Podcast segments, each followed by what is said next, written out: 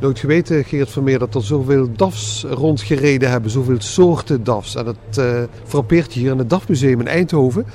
Een bijzondere hoek hier, hè? Ja, we zitten hier in de hoek van de Defensie, de legervoertuigen. En dat is heel sterk geweest voor DAF. DAF heeft heel veel zaken gedaan met, uh, met Defensie, zowel voor de oorlog als uh, met name natuurlijk na de oorlog. Wie kent niet de dikke DAF? Als je in dienst kwam dan, uh, en je mocht rijden, en wat velen hebben ook een rijbewijs gehaald in het leger. En dan mocht je rijden in de dikke DAF. Nou, dat was dus een auto, hij staat, we staan er hier vlakbij, die ook absoluut niet zeg maar in het terrein vast kon blijven zitten. Die auto reed altijd altijd. Die had een dermate constructie met achteras en vooras met zes wielaandrijving.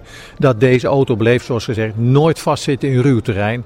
En uh, zo zijn er heel veel ontwikkelingen, zeg maar technisch, die zeg maar, de, uh, ontwikkeld zijn mede dankzij Defensie. Ja, hier bijzondere politieauto, uh, een soort ME-auto denk ik hè?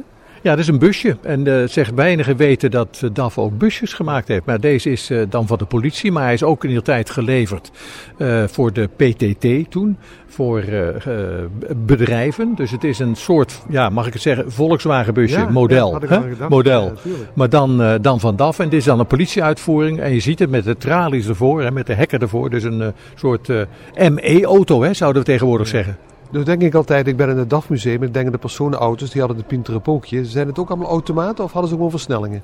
Alle DAF's zijn automaat met het Pinterepookje, heel goed. En dat is dan de Variomatic. En dat is een unieke uitvinding die toen der tijd, in de jaren 50, natuurlijk zijn tijd ver vooruit was. Want er was geen kleine auto-automaat.